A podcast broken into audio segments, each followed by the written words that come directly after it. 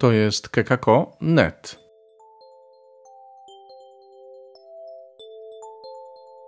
Chrystus zmartwychwstał między wiarą i nauką. Witajcie.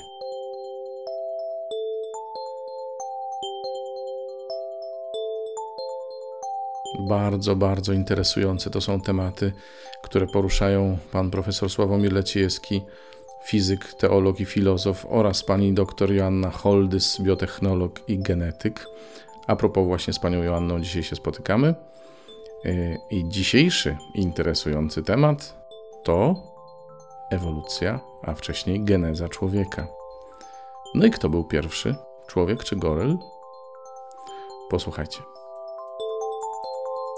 Czyli temat znowu taki, że mnie Sławek na minę wprowadza za każdym razem.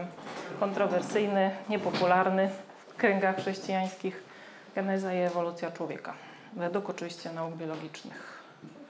Gwoli wstępu poprzedniej edycji mówiliśmy, że ewolucja jest to stopniowy wzrost złożoności organizmów żywych, czyli jest to proces, jest on naukowo udowodniony, nie ma co do tego wątpliwości. Obowiązującą teorią, teorią nie tak potocznie mówiąc teo, tylko teorią, ale teorią, czyli popartą dowodami naukowymi, jest syntetyczna teoria, teoria ewolucji, czyli neodarwinizm. Prześledziliśmy sobie etapy, to już też Sławek dzisiaj wspominał, ewolucji życia na Ziemi. Mówiliśmy trochę o historycznych teoriach i o dowodach na istnienie tego procesu e, na Ziemi. I mówiliśmy, że one są te dowody multidyscyplinarne z różnych e, dziedzin nauki. Podstawowe te tezy syntetycznej teorii ewolucji to to, że występuje pewna zmienność organizmów, że środowisko jest tym czynnikiem, który tę tą zmienność w jakiś sposób limituje, e, na przykład dlatego, że zasoby środowiska są e, ograniczone i organizmy muszą konkurować o, o te zasoby, że różnią się między sobą, że, te, że ta zmienność jest widoczna w różnych pokoleniach, czyli pewne cechy są dziedziczone, że to się dokonuje w oparciu o prawa genetyki i że ten mechanizm zmienności jest mechanizmem genetycznym, czyli w materiale genetycznym następują pewne zmiany, pewne mutacje na, na właśnie drodze mutacji punktowych, czy y, rekombinacji genów, czy transferu genów i one są weryfikowane przez środowisko, czy są korzystne, czy niekorzystne w danych warunkach i e, w ten oto sposób przeżywają osobniki, które są jak najlepiej przystosowane do danych warunków życia i one dalej przekazują swój materiał genetyczny. Ten proces oczywiście jest niedokładny i dzięki temu możemy tą różnorodność widzieć i możemy obserwować też to dostosowanie do środowiska, czyli dosyć dużą elastyczność. No i na pewnym etapie tego wzrostu złożoności form życia, dochodzimy do takiego punktu, gdzie już mamy naczelne, czyli organizmy najwyżej uorganizowane, czyli wyższe ssaki. Taka ciekawostka, że około 70 milionów lat temu, czyli to jeszcze, jeszcze niżej, nastąpiła mutacja w genie, który kończy syntezę witaminy C w organizmie i to prawdopodobnie też spowodowało, że te naczelne zaczęły ewoluować szybciej.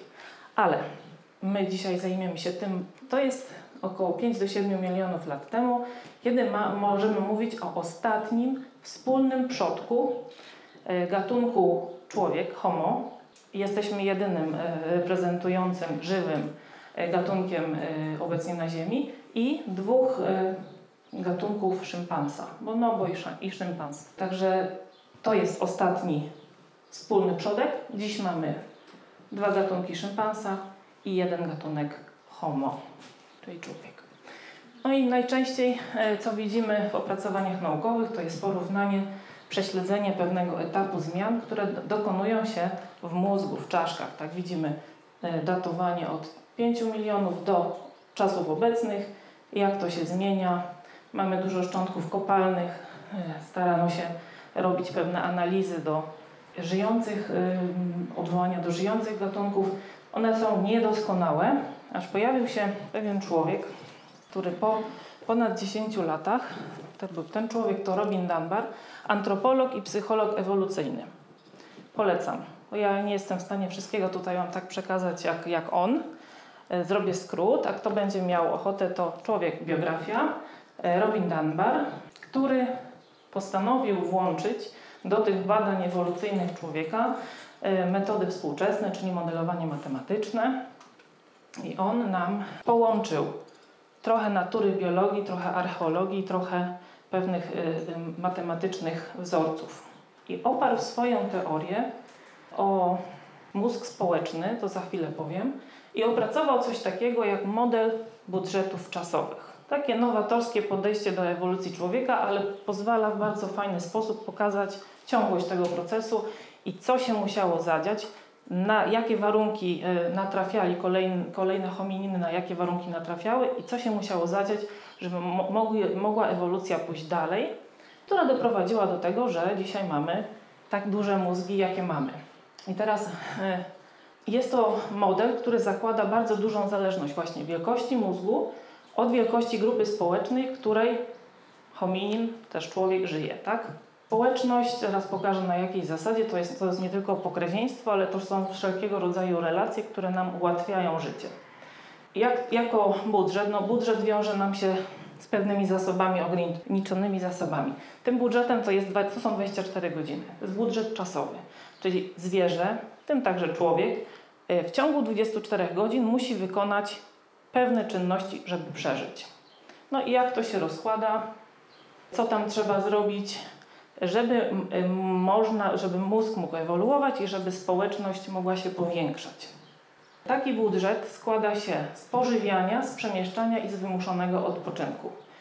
Przemieszczanie się najczęściej wiąże się z poszukiwaniem pożywienia. Pożywianie w zależności od tego, jaki rodzaj diety trwa krócej albo dłużej. Wymuszony odpoczynek natomiast to nie jest stan, kiedy po prostu muszę odpocząć, ale jest to związane z różnymi czynnikami fizjologicznymi i klimatycznymi. E, na przykład tak, doba ma 24 godziny w, e, na obszarze afrykańskim. Powiedzmy, że 12 godzin, kiedy jest światło dzienne. 12 godzin, no trzeba odpoczywać. To się zmienia wraz z szerokością geograficzną. E, poza tym mamy też na przykład dieta roślinna powoduje, że trawienie jest dłuższe, więc ten odpoczynek się wydłuża. Odpoczynek jest też wymuszony bardzo dużym nasłonecznieniem na danym obszarze i żeby nie doszło do przegrzania, to organizm nie może być eksponowany na słońce dłużej jak pewien czas. To jest właśnie ten y, wymuszony odpoczynek. W tym czasie, w tym wolnym czasie, można go poświęcić na budowanie relacji, czyli na tak zwaną aktywność społeczną. I tutaj jest przedstawiona najprostsza spotykana u, u naczelnych, tak, u naczelnych forma budowania relacji, czyli iskanie. Oczywiście te wszystkie rzeczy, te wszystkie aktywności dzienne, dobowe muszą dać 100%, nie mogą być przekroczone. Jeżeli na przykład chcielibyśmy, żeby mózg był większy, to znaczy musielibyśmy więcej jeść, tak upraszczając, musielibyśmy więcej jeść, a więc czas poświęcany na pożywianie by wzrastał i budżet zostałby przekroczony, to wówczas musi się wytworzyć pewne przystosowanie, które nam jednak ten bilans zamknie w 100%. I właśnie takie rozwiązania profesor Dunbar zaobserwował i to chciałabym Wam e, pokrótce przedstawić. Głównym motorem ewolucji mózgu naczelnych jest rozwój złożonych form życia społecznego. Im większy mózg, tym większe zdolności społeczne naczelnych. Ale nie mózg sam w sobie, bo na przykład mamy tutaj mózg gadzi, tym kolorem łososiowym, który jest takim podstawowym, podstawowym układem, no tak jak, jak gady, tak? czyli przeżyć, pożywić się. Natomiast tym, co jest kluczowe w ewolucji naczelnych, jest ta część. Ta fioletowa, niebieska. To jest kora nowa. Od jej wielkości zależą zdolności społeczne człowieka, zdolności budowania i utrzymywania relacji. I tutaj jest przykładowo szympans i człowiek, tak? I jest różnica w wielkości tej kory nowej. A ile tak naprawdę człowiek może utrzymać aktywnie relacji? Utrzymać? No profesor Danwar ze swoich e, wyników otrzymał liczbę 150. To jest liczba osób, z którą potrafimy aktywnie utrzymać relacje. I to jest poparte różnorodnymi badaniami, bo i takimi e, archeologicznymi, gdy widzimy, że wielkość, czy, to, czy też wiosek z różnego czasu, czy y, wielkość klanów zbieracko-łowieckich, y, czy jakiejś społeczności plemiennych, one oscylowały wokół 150 osób. To jest taka jednostka, gdzie właśnie te relacje były jeszcze utrzymane.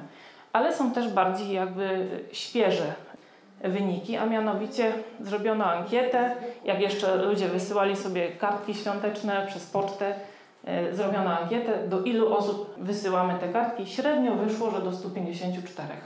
Dzisiaj najbardziej współczesne, no to będzie ta ostatnia pozycja, mianowicie średnia liczba znajomych na Facebooku.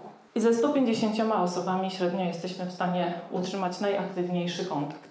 Ale też mamy bardziej takie pragmatyczne wykorzystanie. Jednostka produkcyjna w fabryce Gortex też liczy około 150 osób, czyli wniosek jest taki, że jest to taka najbardziej efektywna liczba, jeśli chodzi o kooperację wśród ludzi.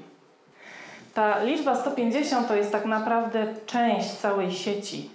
Sieci, która właściwie najpierw ogranicza się tutaj od pięciu, e, pięciu osób, czy pięciu osobników, bo to jest najbliższe nasze otoczenie, to jest liczba osób, z którymi mamy największe relacje, najczęstsze relacje.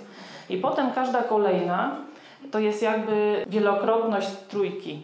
Czyli następna, następna warstwa to będzie 15, to jest 35, ale oscyluje wokół 50. Potem mamy to 150, tą liczbę Dunbara. E, potem mamy 500 osób, jeszcze utrzymujemy jakieś relacje, są sporadyczne, poznajemy, znamy nazwisko, aż do 1500, gdzie nasz mózg jest jeszcze w stanie przypisać nazwisko do, podobno, przypisać nazwisko do twarzy, gdzieś tam, e, oczywiście ta relacja jest już luźna, ale jeszcze jesteśmy w stanie rozpoznać. I teraz zdolność utrzymania tej struktury w spójności zależy od rozwoju mózgu. Tak, człowiek jest w stanie, współczesny człowiek, tych sześć warstw utrzymać w spójności.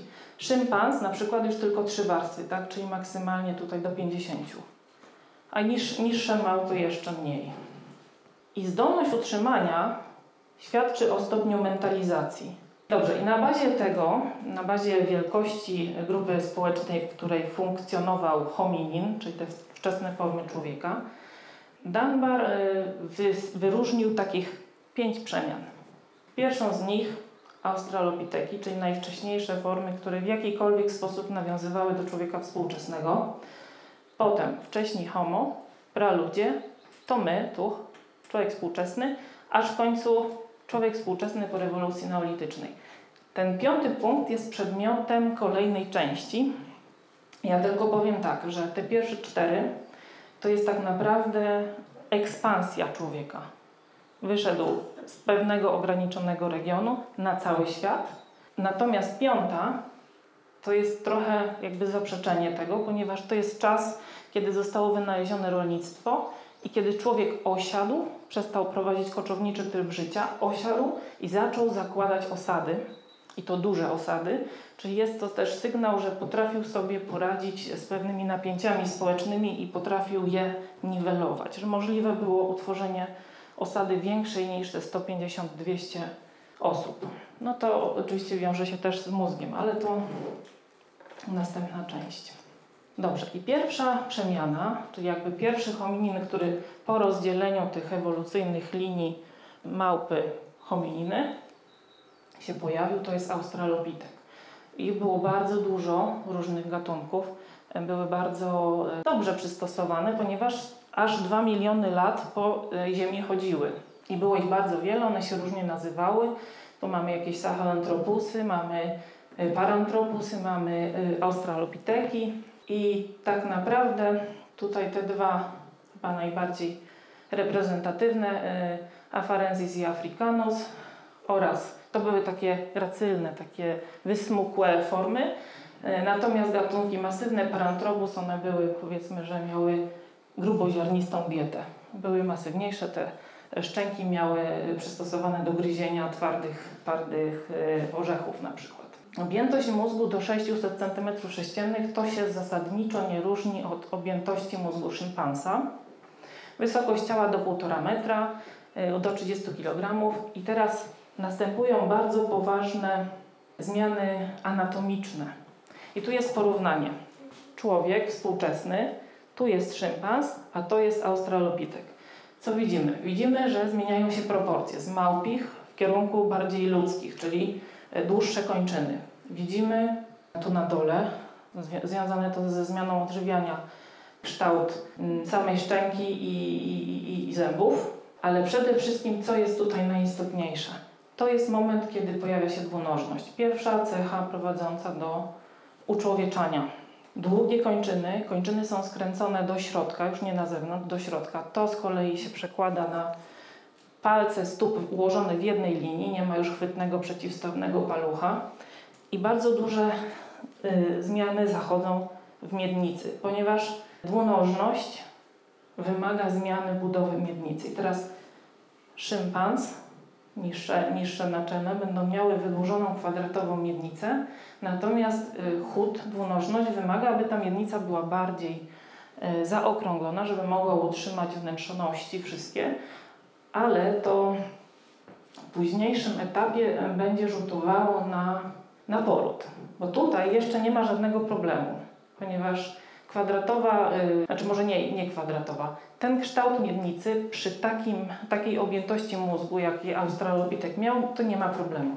Natomiast z upływem ewolucji ta dwunożność trochę nam się odbije czkawką, ponieważ powiększający się mózg spowoduje, że poród zacznie być bolesny że zmieni się w ogóle fizjologia porodu, że tak jak y, organizmy naczelnych, niższych mogą same odbierać porod, on jest bez, bezbolesny, tak wzrost objętości mózgu będzie powodował y, duże problemy i pojawią się pewne y, adaptacje, między innymi skrócony zostanie czas ciąży, dojrzewanie człowieka będzie jakby ograniczone do 9 miesięcy, chociaż tak naprawdę powinna ciąża trwać 21, czyli ten okres wczesnej młodości się będzie wydłużał, okres pielęgnacji dziecka i, i dojrzewania.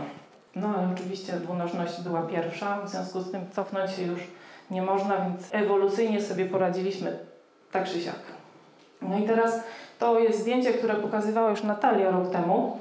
Ślady stóp uwidocznione w tufie wulkanicznym w Tanzanii, e, należące najprawdopodobniej właśnie do australopiteków. To są stopy dwóch osób dorosłych, jednego dziecka. Tu się pojawia kwestia monogamiczności. Nie ma z nami Pała, on o to pytał. Monogamiczność wyewoluowała według niektórych bardzo wcześnie, ale według większości jednak bardzo późno.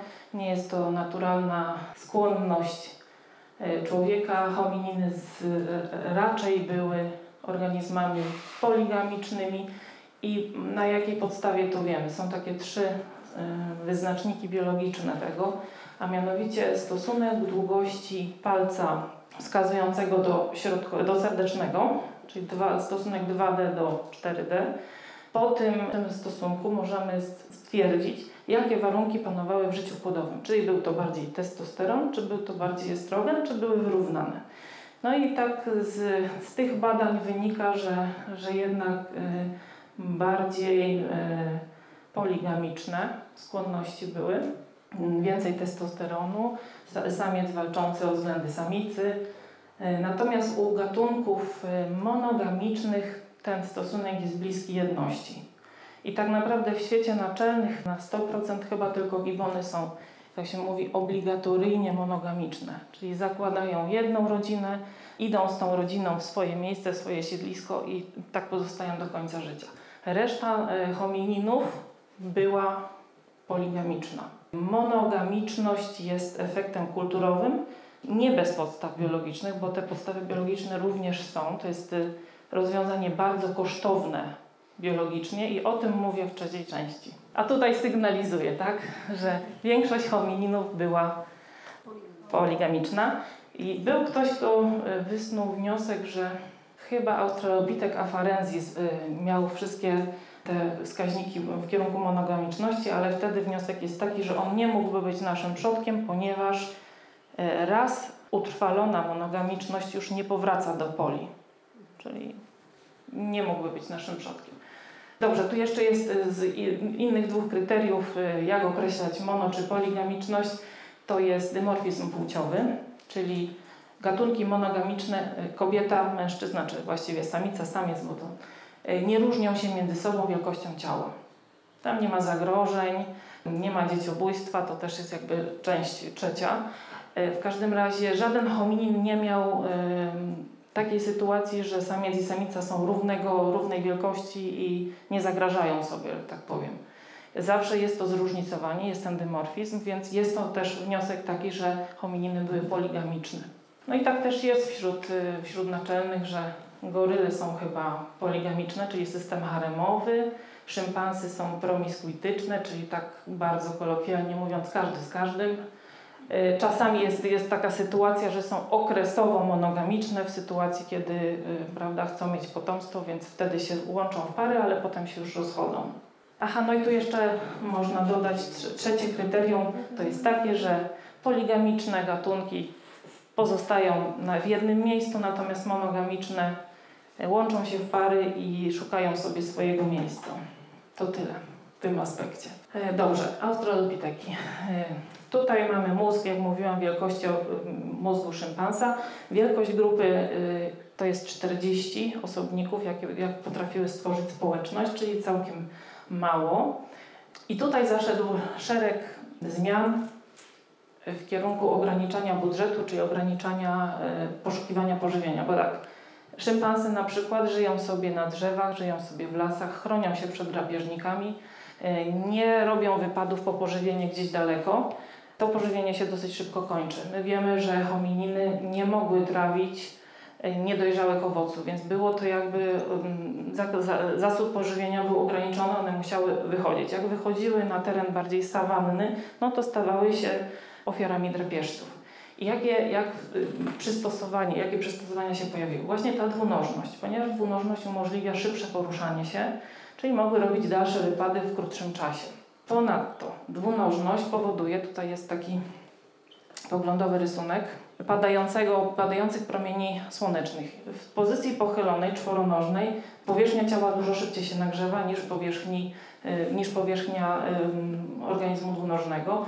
Dodatkowo odwrotna sytuacja, organizm dwunożny ma większą powierzchnię parowania, czyli wiatr może owiewać i, e, i, i to ciepło eliminować. A to z kolei wszystko wpływa na to, że te organizmy australopiteków mogły przebywać na słońcu dużo dłużej, nie przegrzewając się, czyli były bardziej efektywne poszukiwanie pożywienia. Szybciej się poruszały i mogły dłużej e, spędzić na, na słońcu. E, zmiana kształtu miednicy dostosowano do chodzenia, żeby ten chód był e, sprężysty, elastyczny, nie kaczkowaty. Zmiana kształtu stóp, to już mówiłam, skręt kończyn. No i oczywiście wraz ze zmianą e, pozycji ciała zmienia się też pozycja otworu w czaszce, który, przez który wchodzi rdzeń kręgowy. No to takie anatomiczne przystosowania, żeby domknąć budżet do tych i zmieścić się w 12 godzinach. Następna przemiana to wcześniej Homo, czyli Homo habilis, który dzisiaj jest właściwie uznawany za Australopitheka. Homo ergaster e, i Homo erectus, ten sam jakby gatunek, z tym, że e, ergaster pozostał w Afryce, a erectus e, zaczął zdobywać świat i skolonizował praktycznie całą południe Europy, Azję i poszedł jeszcze dalej. To jest, to jest taki moment pierwszego wyjścia z Afryki. Aha, mózg już prawie dwukrotnie większy, tak? Tam było do 600, tutaj mamy prawie do 800 y, cm3. I tu widzimy, że są wyżsi, mają dłuższe kończyny, czyli tutaj szybciej się poruszają, biegają. Mózg rośnie, to jest taka, mm, to jest taka grupa, tak zwany gatunek przejściowy Homo erectus i on E, był bardzo zmienny tam, tam e, w czasie. Bardzo e, był widoczny wzrost wielkości, objętości mózgu i, różnych cech, które nabywał. I tutaj mamy włączenie nie tylko roślin, ale włączenie mięsa, surowego mięsa jako pokarm, które jest bardziej odżywcze, choć, choć ciężko strawne. Dlatego uległo redukcji uzębienia. W źródłach archeologicznych podaje się, że jest to ten moment, kiedy człowiek oswoił ogień. Ale raczej e, według tych teorii, mm, teorii modelu e, budżetów czasowych będzie to sporadyczne używanie ognia, ponieważ podtrzymywanie paleniska e, wymaga wielu nakładów. Tam zawsze musi być ktoś, kto tego pilnuje i na tym etapie raczej nic nie wskazuje na to, że tak było. Było to sporadyczne używanie ognia, ale było. Wielkość grupy, jaka, jaką osiągali wcześniej Homo, to jak widać 75-80 osób. No i widzimy, że powiększenie mózgu spowodowało, spowodowałoby przekroczenie budżetu o prawie o 50%, więc y, oprócz dwunożności pojawił się, pojawiło się to sporadyczne użycie ognia. Pomogło ochładzenie klimatu w tym czasie, I jest też taka hipoteza kosztownej tkanki, czyli redukcja jelit na, na korzyść y, wielkości mózgu. No raczej y, organizmy roślinożerne mają dłuższe przewody pokarmowe. Jeżeli Homo erectus zaczął y, spożywać mięso, to, mogło, to jelita mogły ulec redukcji po prostu. Jeśli chodzi o budowanie życia społecznego, to oprócz takich form jak pierwotnych, jak iskanie, pojawia nam się śmiech. To jest forma podtrzymywania więzi. W ogóle, e, żeby więź mogła zaistnieć i zostać podtrzymana, muszą się wydzielać w mózgu endorfiny, hormony szczęścia. I to iskanie, dotykanie, głaskanie, e, śmiech i potem będziemy mówić o późniejszych formach nawiązywania relacji. To są wszystko aktywności i czynności, które prowadzą do wydzielania endorfin, czyli do zawiązywania relacji. 600 tysięcy lat temu pojawił się pierwszy praczłowiek, czyli Homo heidelbergensis i on był w Afryce, natomiast w Europie troszkę później Homo neanderthalensis, czyli neandertalczyk, tak? Człowiek przystosowany do e, warunków, w przeciwieństwie do, do, do pierwszego, przystosowany do warunków zlodowacenia, bo taka była wtedy Europa, zimna. I tutaj mamy, to jest neandertalczyk, a to tutaj jest heidelbergensis. Widać, że neandertalczyk całkiem sympatyczny, prawda? Taki wiking, tak. Heidelbergensis żył w Afryce, kolonizował Europę i Azję Zachodnią, ale Europę tą południową, bo wiadomo, północna była zajęta przez Neandertalczyka. Objętość mózgu widać, średnia oczywiście, bo są pewne zakresy, prawie do 1200. Prawie dochodził. Czyli oni jednocześnie żyli, tak? Tak, tak. To były dwa gatunki, które, które żyły jednocześnie. No tak było przez całą historię homininów i wyjątkiem jest, są czasy obecne. No, przy Australopitekach było ich jeszcze więcej tych gatunków. Potem tak stopniowo malała e, liczba, aż, aż dzisiaj jesteśmy tylko my sami. Średnia wielkość mózgu widać już jest całkiem spora. Wysokie osobniki o masywnej, solidnej budowie. Charakterystyczne duże łuki brwiowe, brak brody, niskie czoło. Niskie czoło, czyli ta część mózgu tutaj czołowa jeszcze nie rozwinięta. Wielkość grupy e, to jest 125 mm, osób, 110 to jest dla Neandertalczyka. Dwa gatunki jednocześnie żyjące, jeden bytował w grupach 110, drugi 125.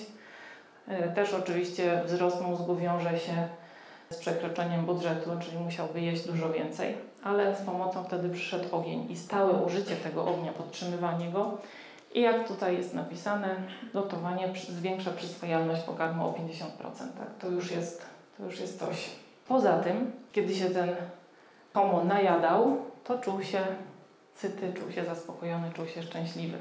Oprócz tego przygotowanie posiłku i zjedzenie go wspólnie z towarzyszami było tym czynnikiem, które budowało relacje.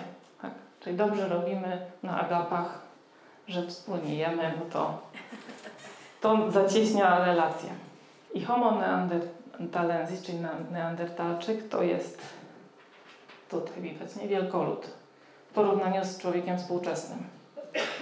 Większy, masywniejszy, yy, przypominający trochę dzisiejszych Eskimosów, czyli krótkie kończyny chyba, tak? Tak, i baryłkowaty tułów. Dlatego, że żył w zimnym klimacie i musiał ograniczyć yy, ucieczkę tego ciepła. Co charakterystyczne, również wydatne e, wały oczodołowe. Żył w takiej, w takiej szerokości geograficznej, gdzie dzień był skrócony o 4 godziny w stosunku do afrykańskiego, czyli wykształcił się bardzo e, dobry wzrok i stąd te wały oczodołowe. Wielkość mózgu tu jest średnia 1320, ale źródła też podają, że dochodziło do 1600-1700, czyli teoretycznie więcej niż dziś my mamy ale zaraz powiem, dlaczego nie przekładało się to na taki rozwój społeczny, no bo widzimy wielkość grupy 110. Tutaj dochodzi w, w, w tym czasie wolnym budowanie y, relacji, wchodzi śmiech, muzyka i raczej y, takie pojedyncze wokalizacje, wydawanie dźwięków to jeszcze nie jest mowa.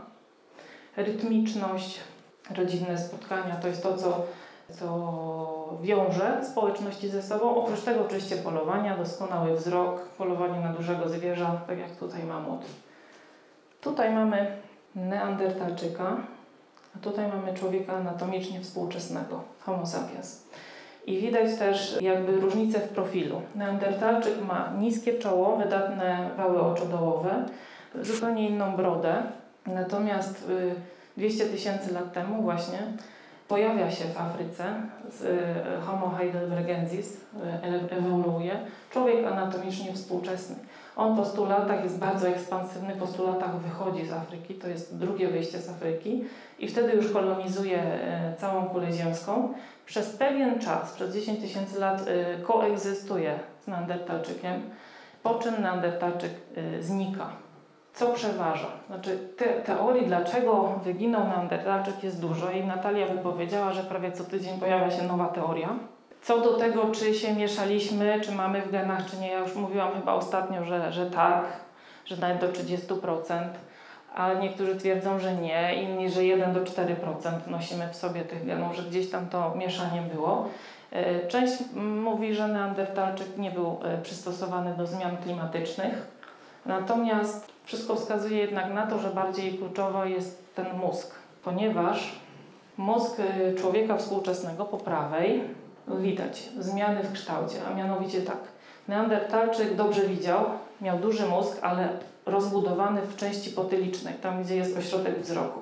Natomiast Homo sapiens ma rozbudowane płaty czołowe i skroniowe. To, są, to jest kluczowy, e, kluczowy obszar mózgu, e, jeśli chodzi o rozwój społeczny, kulturalny, artystyczny, e, szeroko pojęty.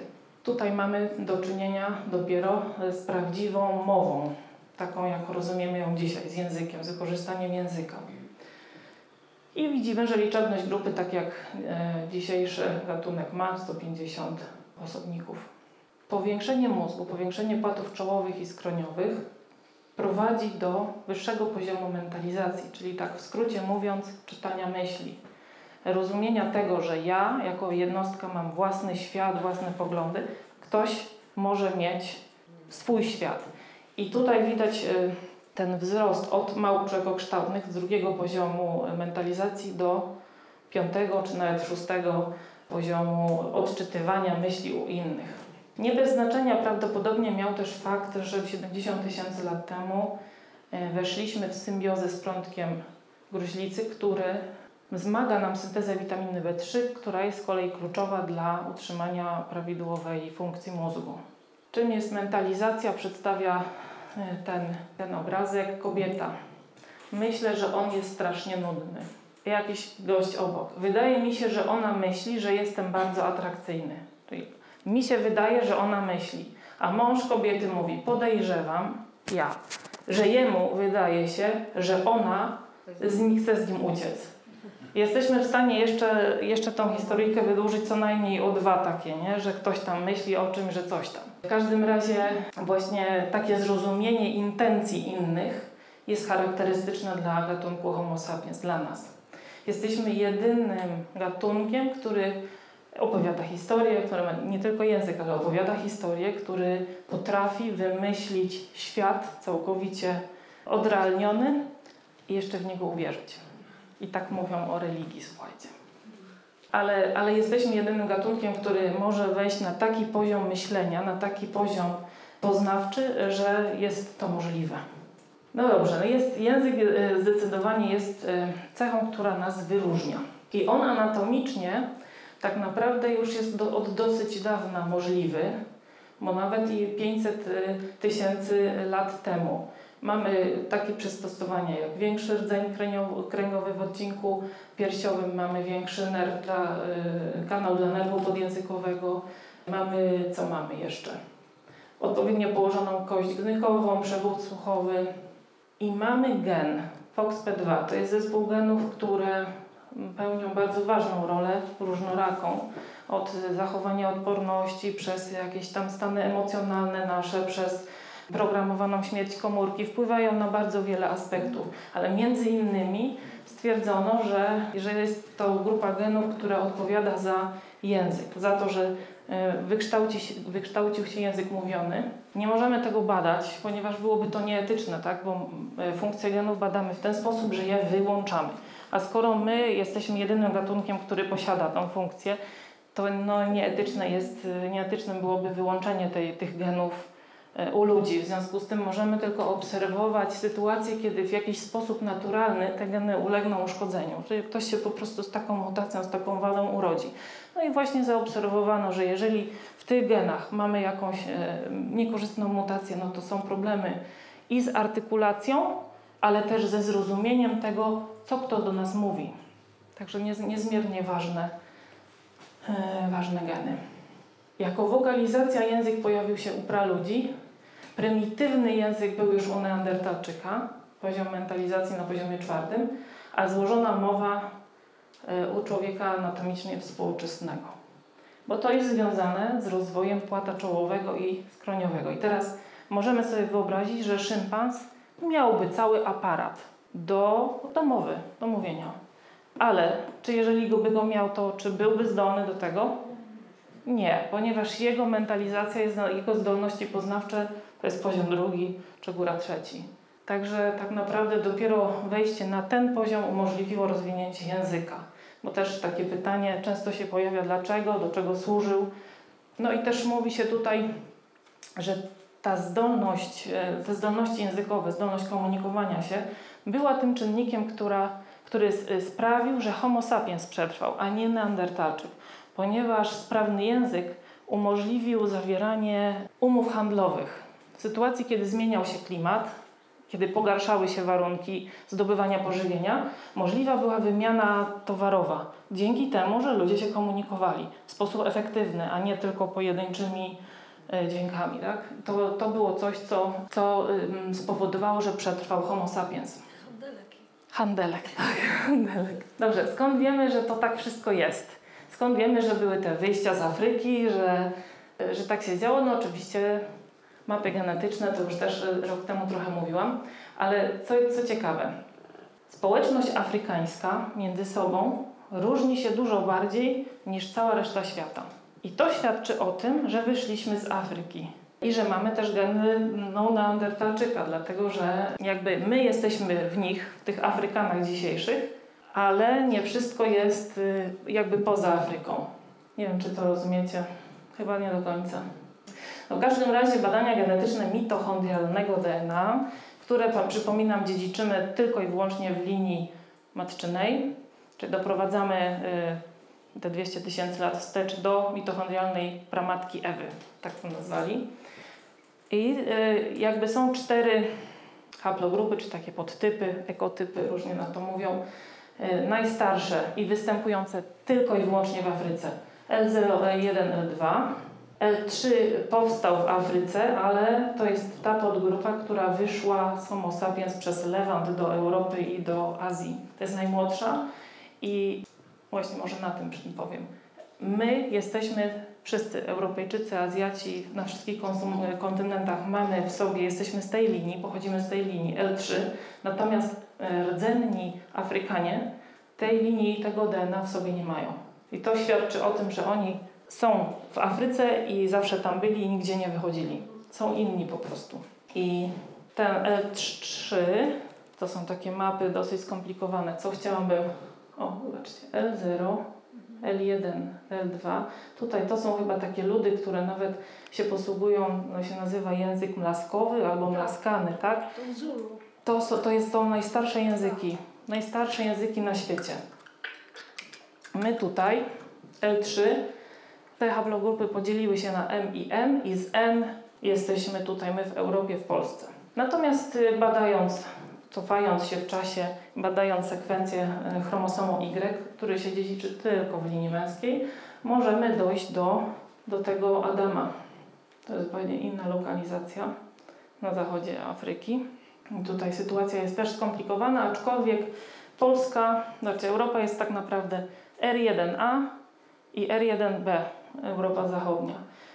I tutaj e, to jest też pole dla tych, którzy badają genealogię Słowian i, i to wszystko, co jest związane ze szlachectwem, ze Słowianami i tak dalej. Ja tylko powiem, że to jest wpływ Azjatów. Ten R1A to są geny łowców mamutów, którzy z Azji przywędrowali i prawdopodobnie kolor oczu brązowy jest pozostałością po tych migrantach. Także nasz teren tutaj europejski, polski to y, naturalne powinny być oczy niebieskie, a brązowy to jest właśnie wpływ e, czynnika azjatyckiego. Ale skoro jesteśmy tak w sumie e, równi, bo jesteśmy z jednej linii L3 mitochondrialnego DNA, i jesteśmy bardzo jednolitą populacją. W zasadzie ewolucyjnie jesteśmy dziećmi, bo wyszliśmy z Afryki bardzo, bardzo e, późno i, i nie zdążyliśmy jeszcze wyewoluować mm, jakoś istotnie. Natomiast różnimy się, tak? bo widzimy coś, co nazywamy rasami, co też tak do końca nie jest e, prawdziwe. W każdym razie różne okoliczności, które na Ziemi się wydarzały, między innymi wybuch hiperwulkanu, spowodował wymarcie większej ilości ludzi i sugerują naukowcy, że pochodzimy wszyscy od y, grupy około 10 tysięcy osób, osobników. W innym opracowaniu, to co mówiłam wczoraj, 5 tysięcy, ale samic. Nie ma tam mowy o, o męskim udziale więc nie do końca wiadomo, czy to 10 tysięcy to poprawne. W każdym razie stosunkowo niewielka grupa Homo sapiens dała początek nam wszystkim. I dlaczego w takim razie, skoro nie jesteśmy, nie różnimy się tak, to jednak wizualnie się różnimy. A mianowicie dlatego, że to, co już było temu mówione, mamy adaptację do środowiska i to jest łatwo wytłumaczyć, tak? Na przykład kolor oczu e, brązowy e, kontra blond czy niebieski, no zależy od natężenia światła, od środowiska, w jakim żyjemy, tak? Im więcej światła, tym skóra, oczy, włosy muszą być ciemniejsze. Ale na przykład, jak możemy wytłumaczyć, powiedzmy, kośne oczy? Nie? Tak, to co w rasach. I to się okazuje, że mamy coś takiego jak genetyczną, kulturową koewolucję. A mianowicie komuś się mogą spodobać migdałowe oczy, taki kształt, ciemne migdałowe. Tak e, tłumaczą to, jeśli chodzi o rasę azjatycką, że jakiejś tam cesarzowej się podobali tacy mężczyźni i takich gromadziła i z takimi wchodziła w związki i w ten oto sposób e, dzięki temu, że ona miała jakieś preferencje, jeśli chodzi o fenotyp, nie o sam genotyp, tylko wizualne, to e, utrwaliła się i rozpowszechniła się pewien typ E, właśnie fenotypu, czyli skośne oczy ciemne na przykład. Jeśli chodzi o adaptację do środowiska, to też możemy wytłumaczyć tolerancję na laktozę, czy jej właściwie brak, bo kiedyś było tak, że tej tolerancji nie mieliśmy. Dopiero w momencie, kiedy zajęliśmy się jako ludzie hodowlą bydła, to się stało pokarmem i, i zaczęliśmy e, trawić laktozę, zaczęliśmy trawić mleko dużo dłużej niż tylko oseski. Tak samo jest też z ekspresją na przykład takiego enzymu, który trawi cukier w jamie ustnej, czyli amylaza. Y, jest on y, jakby aktywniejszy, ma więcej kopii, jest aktywniejszy w Europie i w Azji, gdzie spożycie węglowodanów jest dużo wyższe.